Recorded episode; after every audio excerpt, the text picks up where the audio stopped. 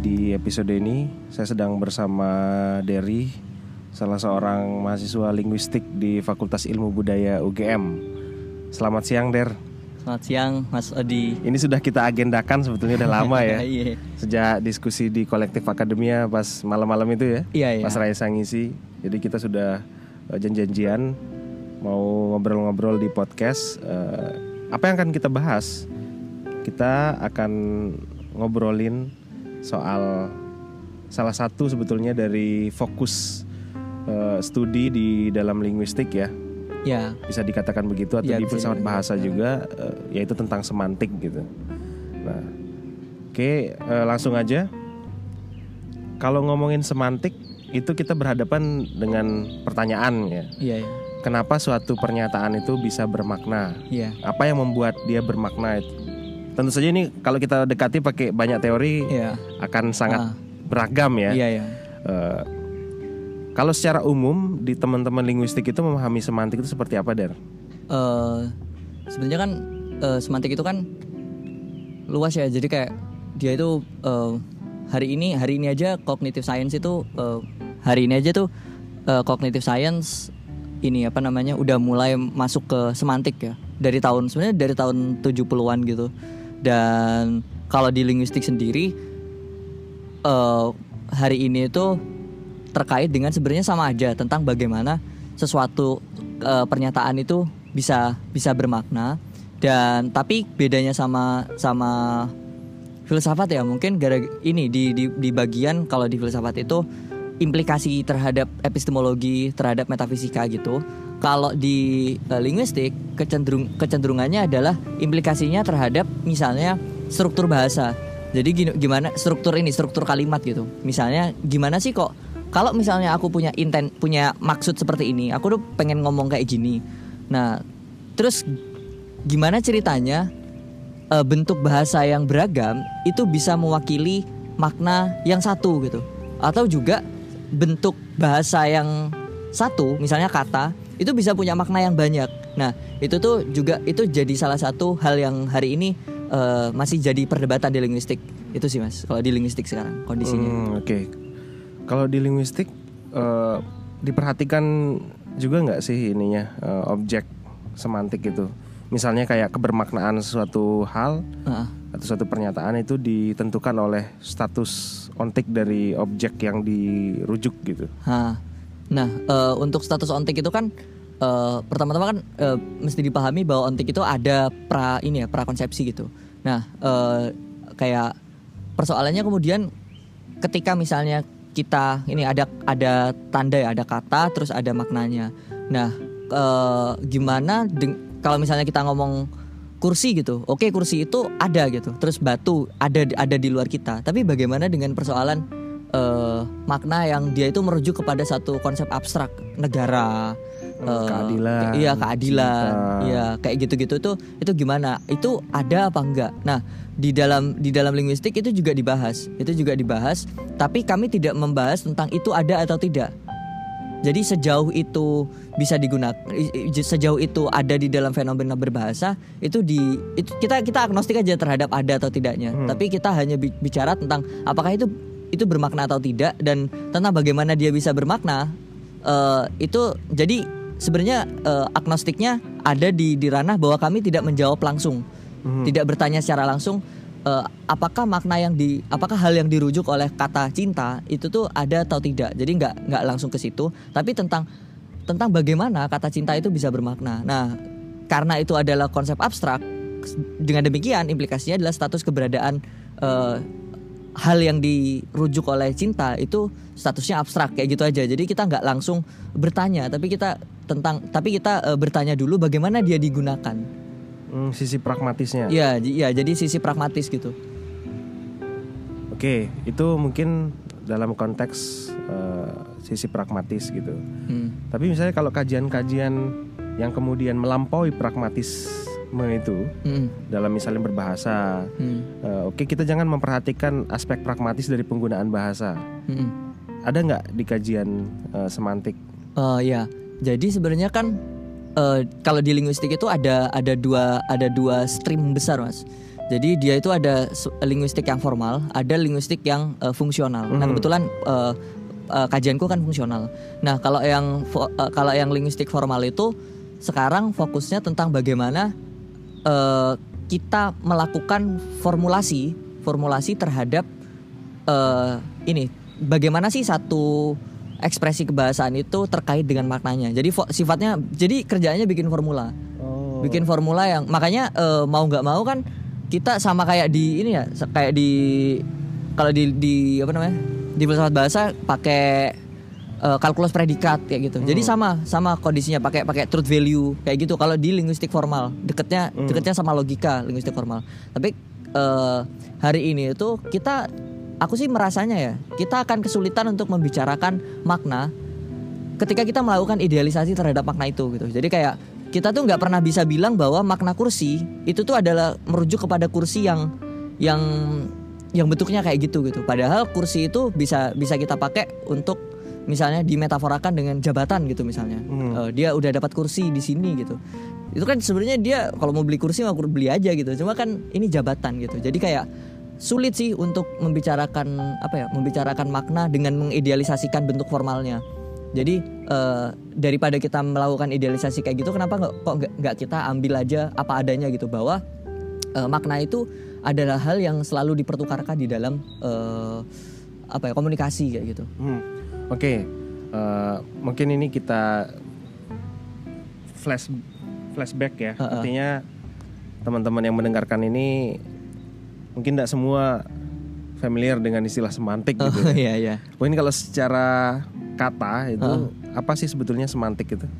Eh, sebenarnya kan semantik itu ini ya eh eh, kayak dia dia itu se semantikos gitu. Jadi gimana gimana jadi ya memang sudah dari dulu eh manusia itu bertanya tentang gimana sih satu pernyataan itu bisa dinyat, bisa dikatakan eh, sahih. Jadi eh, kalau kita ngelihat ini ya ngelihat Aristoteles lagi, ngelihat Aristoteles itu tuh eh, semantik itu mau nggak mau berkaitan dengan apakah dia itu logis atau tidak gitu misalnya. Itu itu itu per- itu pertanyaan logika pada pada masa itu. Jadi dengan demikian kan sebenarnya semantik itu nggak jauh dari logika mas. Jadi Hmm. jadi ini bermakna apa enggak ini ini apa namanya? Ini sahih atau tidak?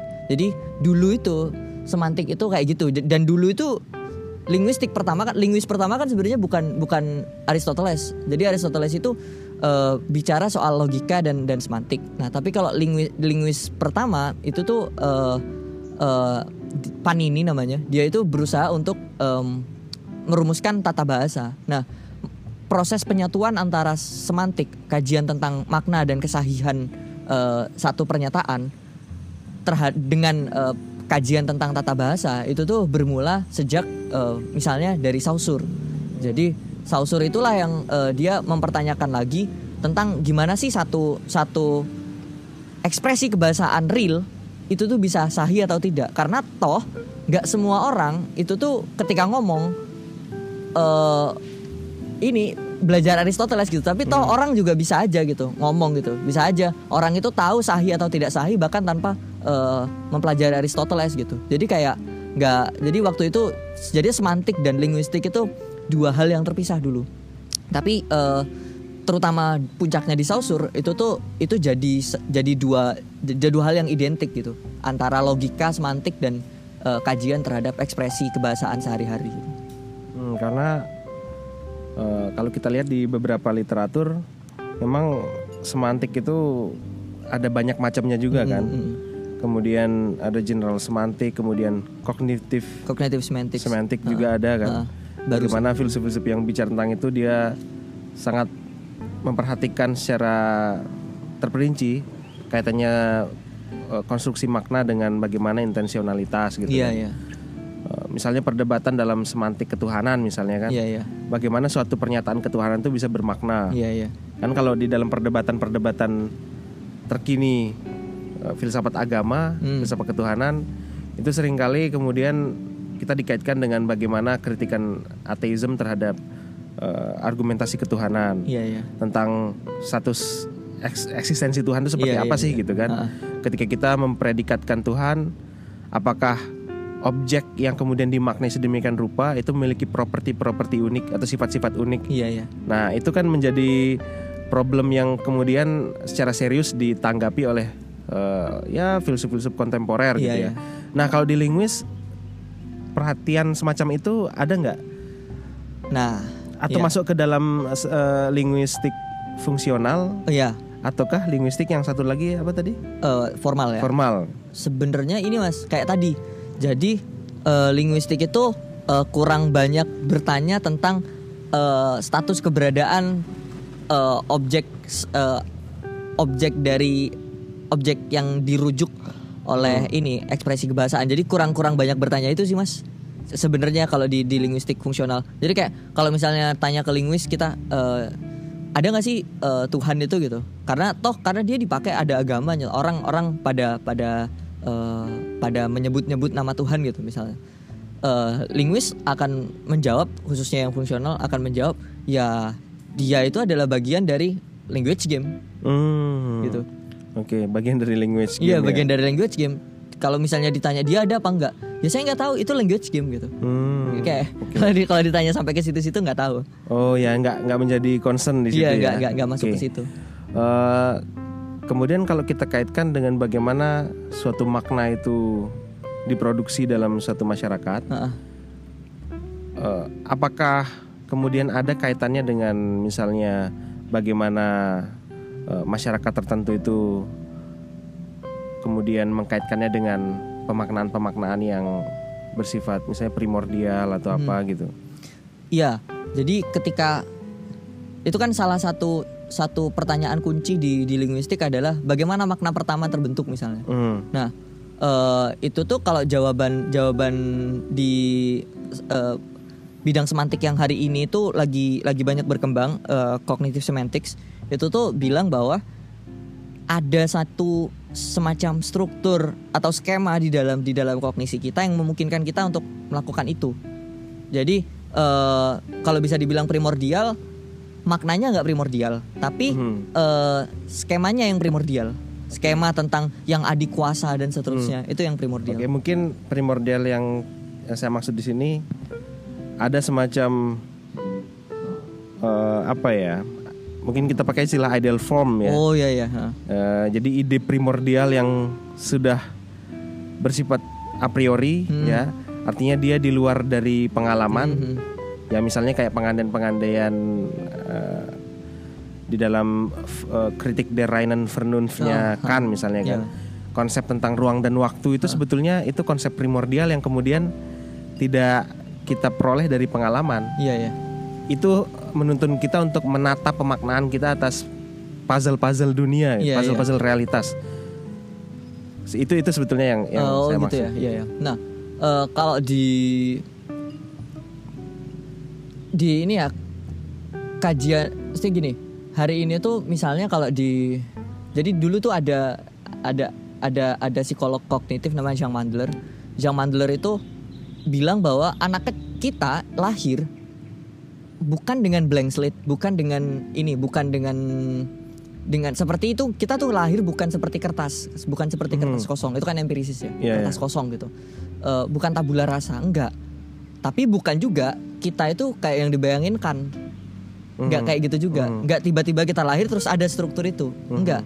Eh, kita itu lahir dengan potensi untuk membangun struktur itu. Jadi struktur itu nggak tiba-tiba ada. Nah, kalau misalnya eh, kalau nah buktinya adalah ada orang-orang yang bisa memikirkan eh, misalnya nih gender itu ada yang biner, ada yang non biner kayak gitu. Nah, eh, itu tuh itu terjadi gara-gara ada ada pengalaman kebertubuhan kita yang berbeda ada sorry bukan pengalaman kebertubuhan tapi intinya adalah pengalaman kita yang membuat pembentukan skema itu berbeda. Seakan-akan manusia itu cuma ada dua gitu. Hmm. Tapi ada juga eh, masyarakat yang berpikir bahwa nggak bisa man- manusia tuh nggak nggak bisa cuma dua gitu. Lebih daripada itu tiga empat dan seterusnya. Kayak gitu. Nah tapi ada juga eh, satu skema yang dia itu sifatnya universal. Misalnya ruang waktu. Tapi itu nggak bisa langsung disebut sebagai sesuatu yang eh, transcendental dalam transcendental dalam arti bahwa dia ada di sana gitu. Mhm. transcendental gitu. Enggak.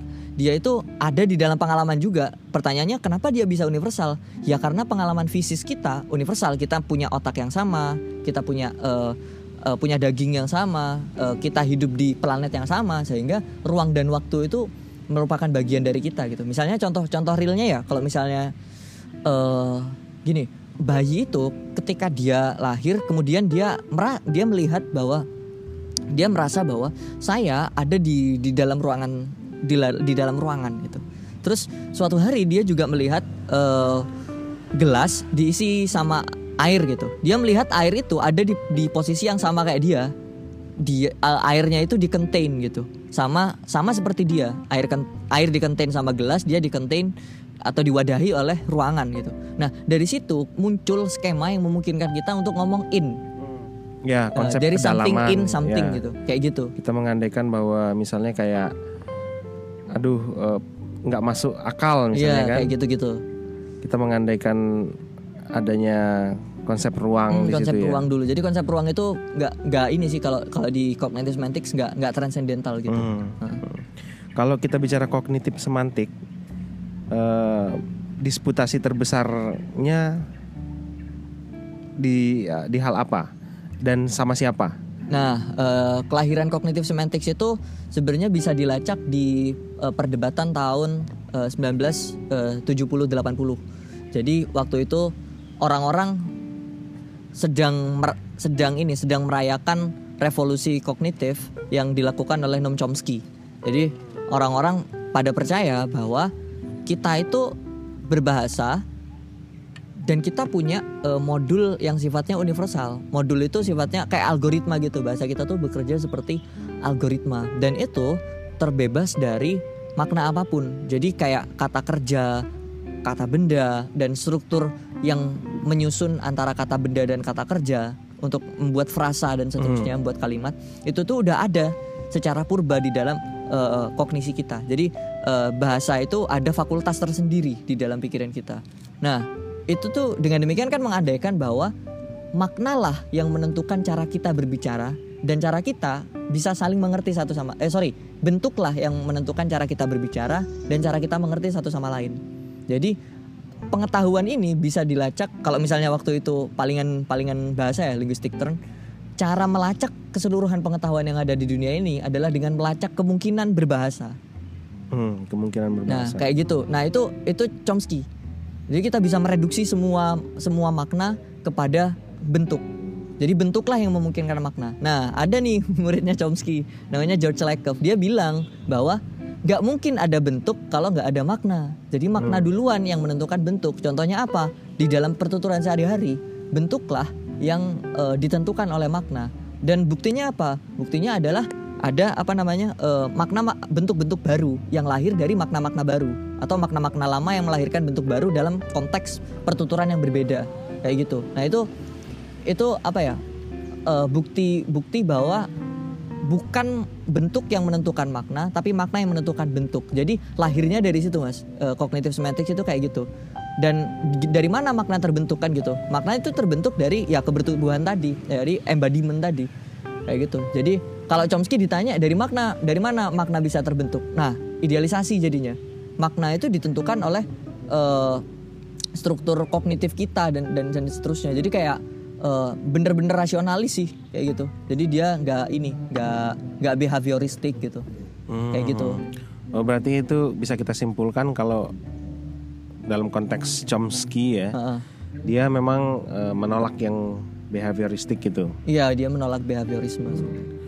Misalnya perubahan pemaknaan suatu itu berarti eh, dia tidak ditentukan oleh bagaimana kaitannya dengan pola komunikasi ya Bagi Chomsky. bagi Chomsky ya. Tapi kalau yang sebaliknya, yang behavioris misalnya, Heeh. pemaknaan itu ditentukan oleh bagaimana eh, dia relate pada suatu fungsionalitas dalam Heeh. tindakan komunikasi misalnya. Itu siapa contohnya? Contohnya eh, kalau di filsafat itu kan ada Quine. Hmm. Kalau di psikologi itu ada B.F. Skinner. B.F. Skinner itu orang yang orang yang dikritik Chomsky habis-habisan dengan eh, apa dia nulis B.F. Skinner itu nulis buku judulnya Verbal Behavior. Dia ngomongin tentang gimana sih kita bisa mem- bayi itu bisa memperoleh bahasa. Jadi dia psikolog dan itu dikritik sama Chomsky. Enggak bayi itu nggak bisa nggak bisa berbahasa kalau misalnya nggak ada struktur kognitif yang memungkinkan dia untuk bisa berbahasa itu yaitu itu Descartes gitu.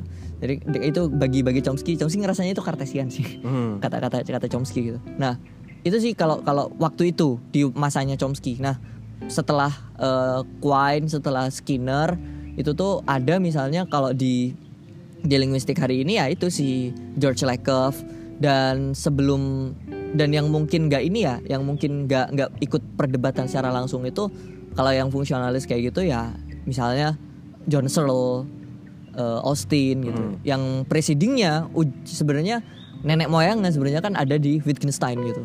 Jadi eh, gimana bahasa itu bisa bermakna? Language game gitu. Sejauh dia ada di dalam ada aturannya, masyarakat eh, setuju sama aturannya, dia dipakai, ya itulah dia bermakna gitu. Hmm. Oke, eh, ini tadi kaitannya juga dengan Quine, kemudian dengan Searle dan lain sebagainya ya. Hmm. Eh, nantilah kita singgung lagi perdebatan-perdebatan itu ya.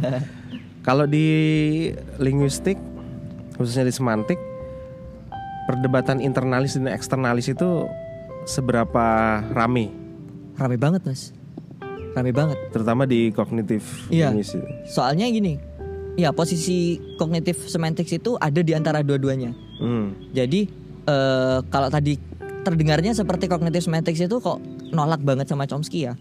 Eh, kenapa nolak banget sama Chomsky? Karena waktu itu posisinya adalah Chomsky itu yang ini jadi abang-abangan banget gitu. Jadi kayak dia figur sendiri kayak jadi semacam nabi, nabi linguistik gitu, kayak Iya, Darwinnya linguistik gitu. Ini orang one man apa ya, eh, one man show gitu. Nah, kayak gitu. Nah, eh, padahal sebenarnya kita tuh nggak bisa loh apa ya ngelupain yang eksternal, ngelupain eh, bahwa ada bahwa bahasa itu nggak ada nggak cuma ada di kepala kita, bahasa itu juga merupakan bagian dari masyarakat gitu. hmm. Nah, tapi juga dikritik tuh sama apa namanya eh, sama orang-orang macam Langecker misalnya, tem- di- dia yang ngembangin kognitif grammar, temennya temennya Lakoff tadi Hmm. kognitif dia dia bilang bahwa kalau misalnya bahasa itu murni eksternal seperti yang dibayangkan oleh orang seperti Halliday gitu misalnya Halliday itu linguis dari uh, Australia dia fungsionalis fungsionalis mentok eksternalis gitu. Kalau misalnya benar bahwa bahasa itu eksternal bagaimana mungkin kita berkomunikasi misalnya? Hmm. bagaimana mungkin kita berkomunikasi? Toh karena kita komunikasi punya punya makna yang ada di kepala kita nggak mungkin itu eksternal gitu. Maka dia itu harus internal. Dan kalau misalnya bahasa itu mu- murni murni internal bagaimana seorang internalis menjelaskan komunikasi gitu Hmm. jadi kayak bagi bagi Langecker dua posisi yang ekstrim ini Naif, eh, iya. iya jadi kayak terlalu naif gitu masa gitu sih padahal enggak juga enggak gitu-gitu Iya, iya. amat gitu Oke, misalnya kalau kita dari sisi eksternalis misalnya, Heeh. kemudian ada ekstrim tertentu yang kemudian eh, menjadi prinsip di situ Mm. dalam melihat bagaimana kebermaknaan itu bergulir gitu ya. Iya.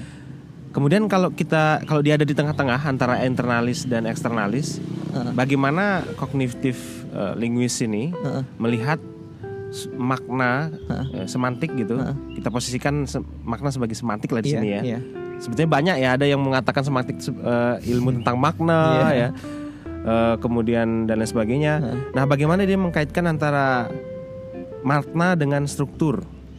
Kalau makna itu berubah, Mm. misalnya berubah suatu ketika dia bisa berubah, ya mungkin nanti akan pertanyaannya berarti itu pengaruh dari mana? Hmm. Pengaruh dari fungsionalitasnya di masyarakat misalnya kan. Hmm, hmm. Lalu struktur itu ada di mana sebetulnya? Di luar diri manusia atau dalam diri manusia? Iya. Kalau kalau meletakkan ada di tengah-tengah antara internalis dan eksternalis. Nah, eh struktur struktur struktur ini ya struktur ekspresi kebahasaan itu tuh eh sebenarnya juga eh, bisa dibilang terletak ya di antara di antara pikiran kita dengan eh, sesuatu di di luar kita gitu, sesuatu di luar pikiran kita kayak gitu. Eh eh, contohnya gimana sih? Contohnya ini kayak em, makna itu kan bisa aja berubah tapi strukturnya bisa tetap kayak Hmm. misalnya eh, sta- ka- kasus ini kasus polisemi. Polisemi itu makna banyak. Hmm. Polisemi itu makna banyak. Kayak eh, di bahasa Inggris eh, ada penelitian, ada tesisnya kayak eh, hate gitu. Hate eh eh, ka- pernyataan this is the hit terus eh, sama Ronaldo is hitting the ball Hmm. itu maknanya beda tapi strukturnya sama hit yang satu maknanya nyundul yang satu kepala kepala gitu atau eh, he is the head of the company gitu Hmm. nah itu pemimpin Iya, iya. jadinya gitu Hmm. nah kok bisa ya eh, strukturnya sama head tapi eh, dia itu maknanya maknanya banyak gitu ya itu tadi kayak tadi itu tergantung kepada penggunaan tapi eh, nyatanya strukturnya nggak itu nggak identik murni mas tadi heading misalnya Ronaldo is heading the ball itu strukturnya ter- eh, artinya gini makna nyundul itu dimungkinkan ketika head itu dikenai ing dan dia eh, menjadi kata kerja. Tapi kalau misalnya he is the head of this company itu dia bukan kata kerja. Head of oh, head of the company itu dia menjadi eh, menjadi frasa frasa frasa tertentu gitu. Head of x gitu.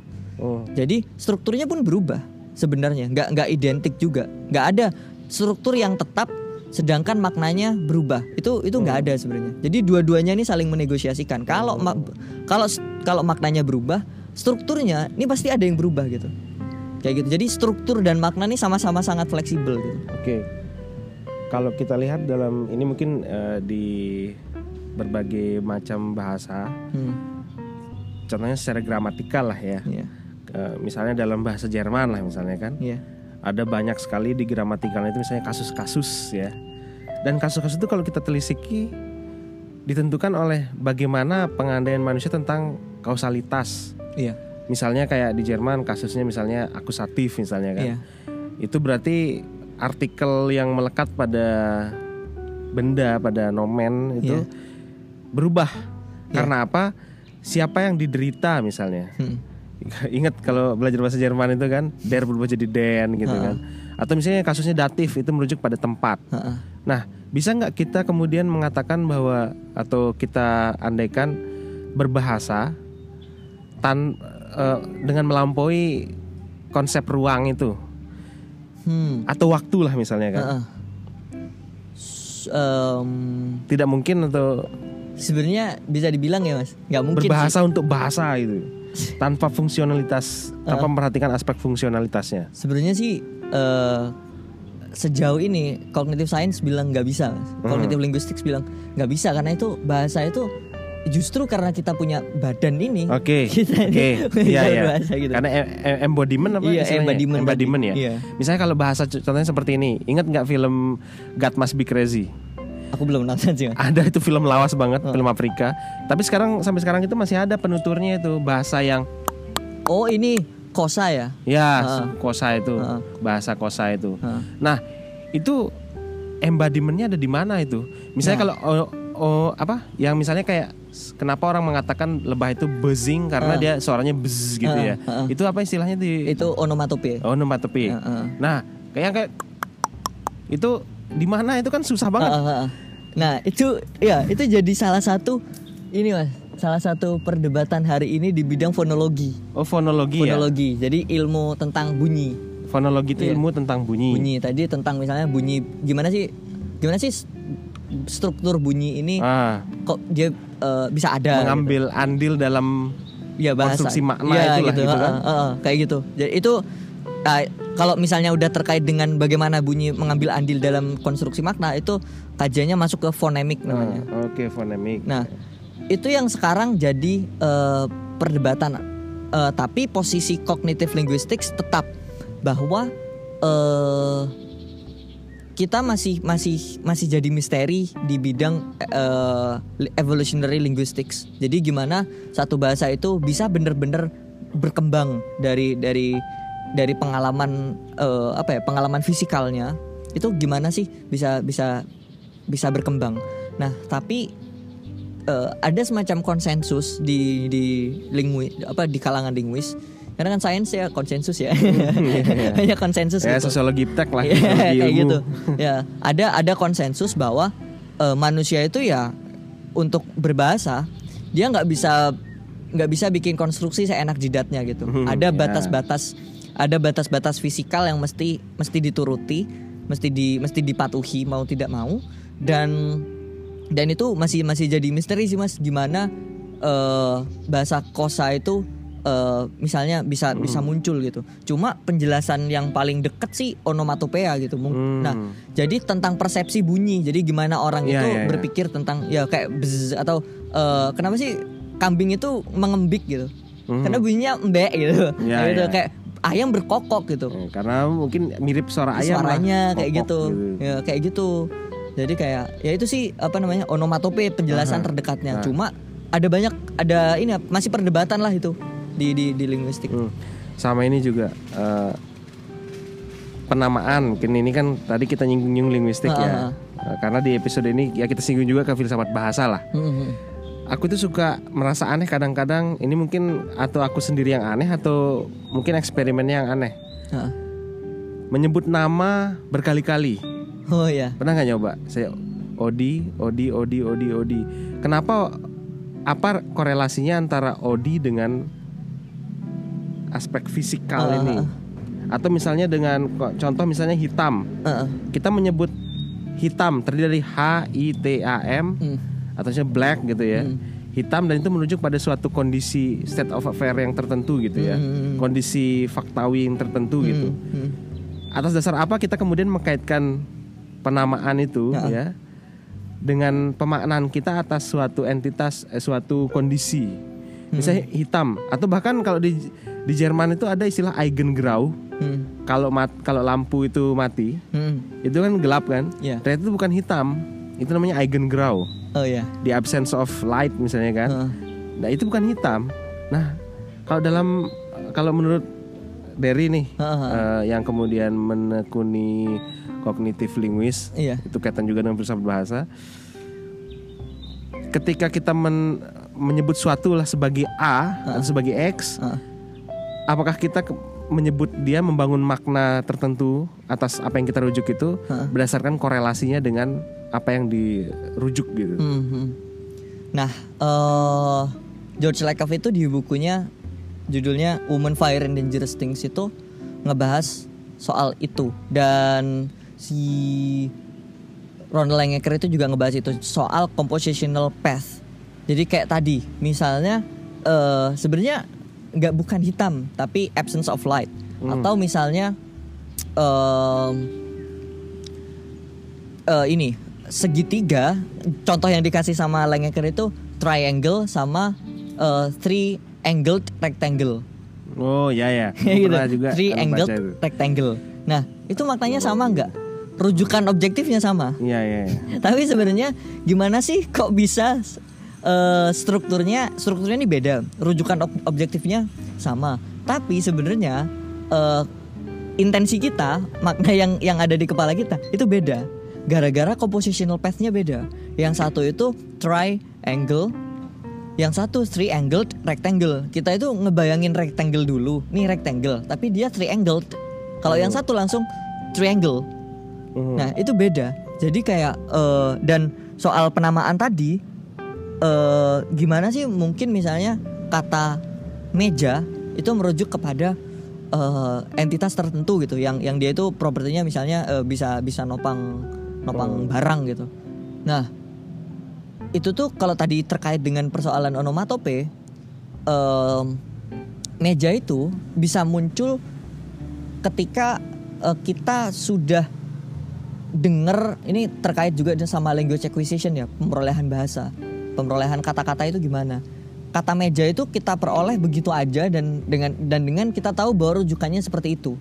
Kayak gitu. Jadi itu murni konvensi. Tapi bagaimana dengan tapi pertanyaannya kan gimana caranya konvensi itu bisa muncul nah konvensi itu bisa muncul dengan cara misalnya kalau misalnya aku punya eh, kata eh, lebah lebah yang eh, the bee is buzzing misalnya aku bilang gitu leb- eh, the bee is buzzing nah buzz itu dulu kata bendanya buzz itu dulu mesti ada dulu baru kemudian aku masukkan ke dalam ke dalam struktur gramatikal yang Hmm. ing jadi kata buzzing itu mungkin ketika buzz udah ketahuan dulu jadi Mhm.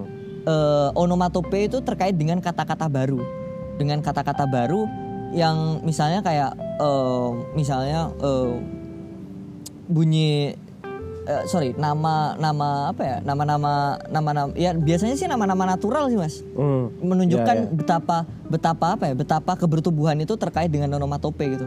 Ka- makna-makna baru itu terkait dengan dengan ini dengan apa ya? Dengan dengan pengalaman pengalaman fisikal gitu.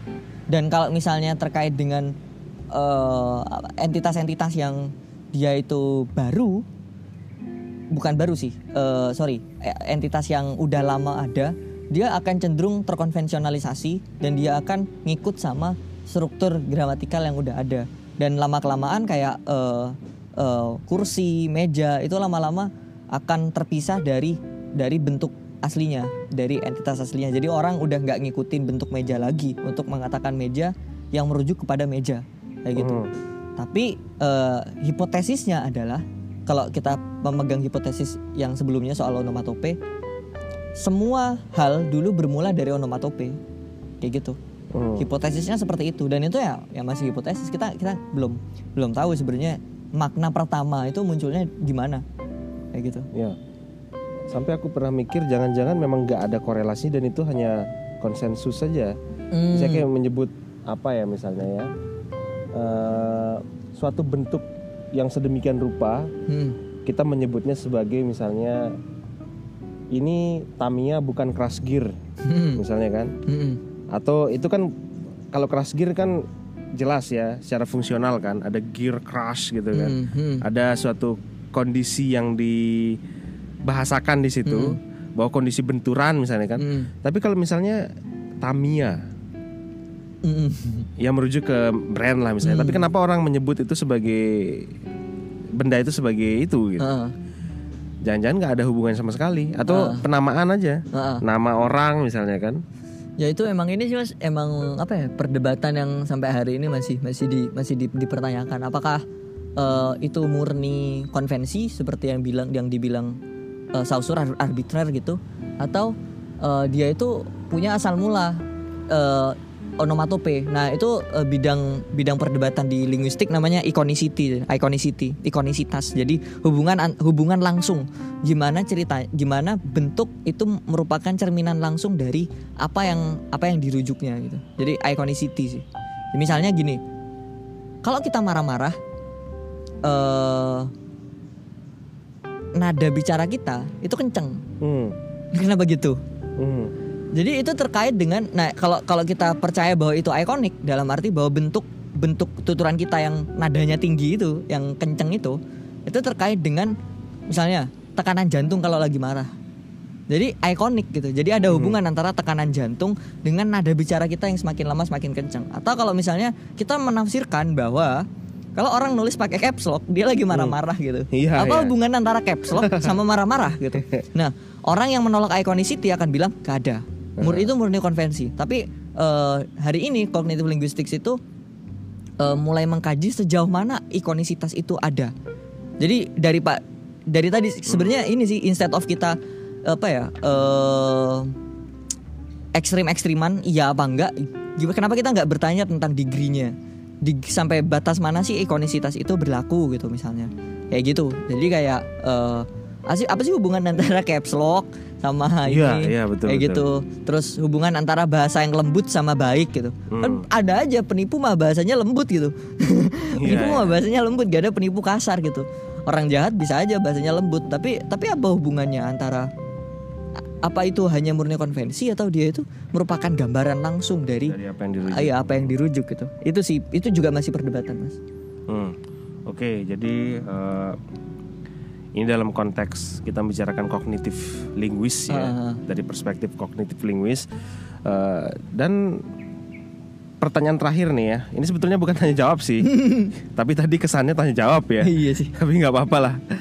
Eh, teori kognitif linguis ini, kalau kita lihat siapa yang paling didiskredit oleh teori ini? yang paling gimana mas Didiskredit artinya Didiskredit dia ya, oh, oke. objectionnya itu mengarah ke apa? Oh. Tadi sudah disinggung ya asal mulanya seperti apa. Iya, Tapi kalau sampai sekarang ini apa yang paling dia sasar, oh ya paling ditolak gitu? yang paling ditolak itu sekarang adalah ya dua posisi sih Eh, internalis sama eksternalis Eh, karena bagi bagi kognitif linguis dua posisi itu sama-sama idealisasi sih.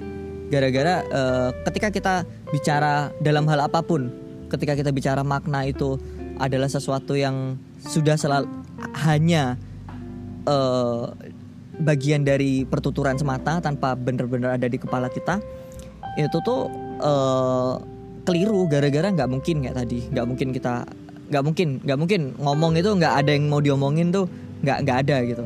Nah posisi yang internalis itu tadi eh, ini nggak makna itu ada di kepala aja gitu. Mhm. nah itu itu itu sama-sama ditolak kayak gitu. Cuma yang terkenal di tahun 70-an itu ya sepertinya orang-orang itu menafsir bahwa cognitive linguistics itu merupakan eh, semacam apa ya negasi sepenuhnya dari eh, linguistik Chomskyan gitu. Justru enggak linguistik kognitif itu bukan hanya Chomskyan tapi fungsionalis yang lain juga dikritik sama eh, linguistik kognitif. Cuma karena kan pada waktu Chomsky apa ya lagi gede-gedenya pada waktu itu tahun 70-an eh, cognitive science lagi berdiri soal apa namanya eh, AI lagi baru kenceng-kencengnya waktu itu ya yang fungsionalis nggak terlalu terkenal sehingga eh, apa ya seperti nggak ada urgensi untuk nyerang mereka gitu Hmm. Oke. Jadi ada konteks dinamika di situ ya, dinamika ya itu. zaman artinya. dinamika sosialnya Iya, dinamika sosialnya. sampai Chomsky sampai sekarang di MIT ya. sekarang eh ya dia masih ini masih emeritus, Emeritus di MIT. tapi ngajarnya kalau nggak salah di Arizona mas Arizona iya ya? di Arizona Dan banyak menyinggung tentang AI juga ya. iya sekarang ha. konteks bagaimana bahasa itu dikembangkan Hmm. dalam non-human. Hmm, karena kan ya bisa dibilang gitu iya, ya. bisa dibilang dia salah satu orang yang bertanggung jawab sih soal soal gimana gimana em, mau kan pertanyaannya gimana mewujudkan AI yang bisa berbahasa kan. Hmm. Nah, orang Chomsky kan salah satu orang yang bertanggung jawab bahwa dia bilang ya pokoknya ini kita masukkan aja input output gitu. Hmm. Ya yang nantinya dikritik sama Searle sih. Hmm. ya itu Chomsky sih bertanggung jawab untuk itu sih. Sekarang dari dari dulu dan makanya sekarang dia eh, concernnya sama AI gitu.